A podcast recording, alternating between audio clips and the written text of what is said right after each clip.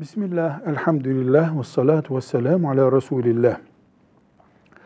Kocası uzun yıllar hapis cezası alan bir kadın, boşanma davası açıp kendi hayatına tek başına devam edebilir mi? Elbette.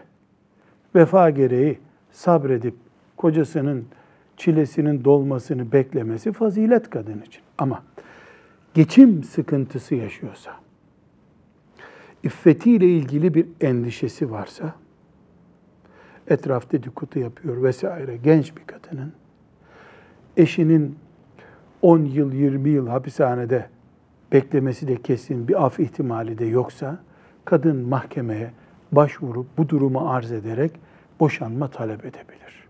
Velhamdülillahi Rabbil Alemin.